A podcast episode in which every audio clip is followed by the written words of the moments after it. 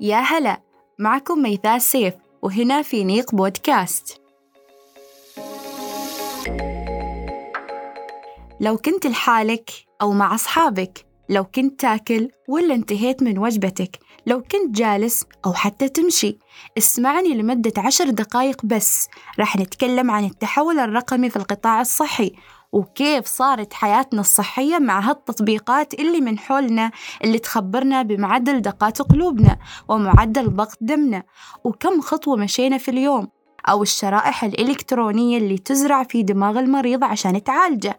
ولا التطبيقات الذكية اللي تعطينا نظام غذائي مفصل. وتحمسنا إن نهتم بصحتنا البدنية. مثلا تخبرنا إن جلسنا كثير ولازم نتحرك أو لازم نعمل تمرين سريع. ولا حان وقت أخذ الشهيق والزفير. أو ما نعمل شيء. ناخذ بريك أو أي نشاط ذهني يساعدنا على الاسترخاء. والتطبيقات اللي تذكرنا بموعد أخذ الدواء. وتطورنا رقميا. بشكل صرنا نثق في روبوت ونسلمه أنفسنا ويعمل لنا عملية جراحية كاملة مكملة مثل جراحة القلب المفتوح أو قلب صناعي رقمي يدير العملية الحيوية بداخلنا. بس يا ترى هل هذا القلب فعلا يقدر يحل محل القلب الطبيعي من ناحية الشعور والمشاعر؟ ما نعرف كل شيء جايز. قبل لا نبدأ الحلقة شارك الحلقة مع أحبابك اللي تظن إنهم مهتمين بهالمواضيع ولا تنسوا تقترحوا لنا مواضيع مهمة ممكن نتناولها هنا في فينيق بودكاست على بريد فينيق بودكاست dot com عشان تعمل فائدة أكثر طب إيش هو التحول الرقمي؟ ويشير التحول الرقمي عموما إلى تغير على نطاق واسع تطبق فيه التكنولوجيا الرقمية ضمن تركيبة اجتماعية محددة في المجالات كافه وعلى وجه الخصوص فإننا نلمس الأثر الأكبر للتحول الرقمي في مجال تكنولوجيا المعلومات والاتصالات. وتليه مجالات التعليم والنقل والمواصلات والشؤون الدولية والتنمية الاقتصادية. وبهدف مواكبة الطلب على تحسين خبرة المستخدمين على الحكومات أيضا أن تنتهج سياسة التحول الرقمي ضمن مؤسساتها. هذا هو. بكل بساطة إنك تعتمد على التكنولوجيا في كافة التعاملات الحكومية والحياتية. لما نتكلم عن التحول الرقمي والصحة نبدأ بأصغر عملية وهي كتابة البيانات في السجلات اللي هي واجهة المؤسسة الصحية اللي نقدر نقول وين كنا ووين صرنا معلومات صحيحة ودقيقة. وصرنا نحجز مواعيدنا عند الطبيب عن طريق كبسة زر بالواتساب. مرورا بالتطبيقات اللي تهتم بصحتك النفسية وتقدم لك الاستشارة الطبية تطبيق لبيه مثلا أو كيورا للرعاية الصحية. ولا مين كان يتصور إن صديقك المفضل يمكن يكون عبارة عن تطبيق مجسد؟ أيوة نعم مجسد وله اسم. إليزا مثلا هو تطبيق معالج نفسي. هذا التطبيق يساعدك في التغلب على مشاكلك الصحية النفسية عن طريق طرح بعض الأسئلة وعرض إجاباتها. لكن في رأيكم هل هذا المعالج النفسي الرقمي قادر على حل جميع مشاكلنا ولا هو يتصف بمحدودية الألفاظ والإجابات اللي ممكن تطبطب على المريض؟ هذا التحول الرقمي الضخم في المجال الصحي يعتبر آلية إيجابية لإدخال نماذج تكون جديدة بحيث إنها تتفق مع البيئة والمنتج الصحي الجديد. خلونا ناخذها من ناحية البيئة الصحية الخالية من التلوث واللي تناسب كل فرد فينا. وظفت التكنولوجيا الرقمية بشكل مبهر فيها متخيلين إن في تقنية تستشعر التلوث الهوائي قبل لا يبدأ. وفي تقنية تنقي الهواء إذا تلوث يعني نقدر نقول مكنسة الهواء. وما ننسى السيارات الذكية اللي تهدف لتقليل هذه الانبعاثات اللي التفت علينا وخنقتنا.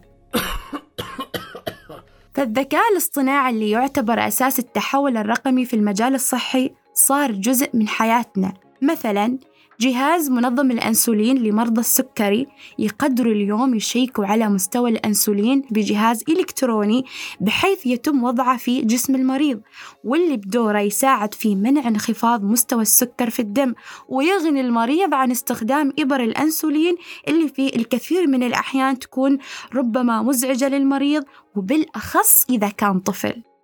لكن العقل البشري أعظم من أنه يتوقف مع هذه الإنجازات الرقمية. ووصل التحول الرقمي في المجال الطبي لدرجة أن قدرنا نطبع خلايا حية تستخدم في العديد من المجالات واللي مؤكد أنها حتفيد المرضى والإنسان بشكل عام. معهد Wake Forest مثلا قدر يصنع أعضاء جسدية بواسطة هذه التقنية فقدر يصنع كلية وشحمة أذن وأنسجة جلدية لا وأكثر من كذا بكثير. تخيل قلوب بطابعة الثريدي وأيضا صناعة الأطراف الصناعية. ولا ننسى أيضا توجهات وزارة الصحة هنا في سلطنة عمان وفق ما ذكره معالي الدكتور هلال السبتي وزير الصحة بأن هناك توجه لبرنامج التحول الرقمي في القطاع الصحي. هذا التوجه يهدف لتوفير جميع المرافق الصحية في سلطنة عمان وتوظيف التقنيات الرقمية لتقديم الرعاية والخدمات الصحية. مثال على هذا التوجه عندنا تطبيق عطاؤك حياة اللي أصدرته الوزارة في الآونة الأخيرة واللي من خلاله تقدر تتبرع بأعضائك بعد الوفاة وتطبيق ترصد اللي كلنا حملناه وسهل لنا تعاملاتنا في فترة جائحة كورونا واللي أثبت لنا نجاح سلطنة عمان في التغلب على هذه الجائحة وتطبيقات التبرع بالدم اللي بدورها قدر القطاع الصحي أنه يوصل لأكبر عدد من المتبرعين وسرع عملية الحصول على الدم وبالتالي أنقذ حياة. وتطبيق شفاء هذا التطبيق يعتبر نقلة نوعية في مجال التحول الرقمي للسلطنة في قطاع الصحة. آه هذا التطبيق يعرض البيانات الصحية للمريض بمختلف المؤسسات الصحية بطريقة سلسة وبسيطة من جميع المؤسسات الصحية التابعة لوزارة الصحة. يعني الطبيب يقدر يشوف تاريخك الصحي من أي مؤسسة صحية بدل ما تروح وتطلب تقارير ويطبعوها لك ورقيا. لا كل هذا أنت والطبيب في غنى عنه. هالتطبيق بيوفر لك خدمات إلكترونية بينك أنت كمريض والمؤسسات الصحية.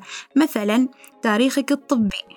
أفراد العائلة الأدوية اللي تأخذها الفحوصات ونتائجها ومواعيدك القادمة. يعني بالمختصر نقدر نقول إنه عبارة عن منصة لتبادل المعلومات والاستشارات الصحية مع مزودي الخدمات الصحية. أيضا في خاصية الفيرتشوال كلينيك. طبعا هذه الخاصية الهدف منها التواصل مع المريض باتصال مرئي بحيث يتم إبلاغه بنتائج الفحوصات. يعني بدل ما تروح المستشفى أو المركز فقط لأخذ النتيجة يعني خلينا نقول موعد ما يستدعي الحضور هم راح يتصلوا فيك ويعطوك النتائج فقط.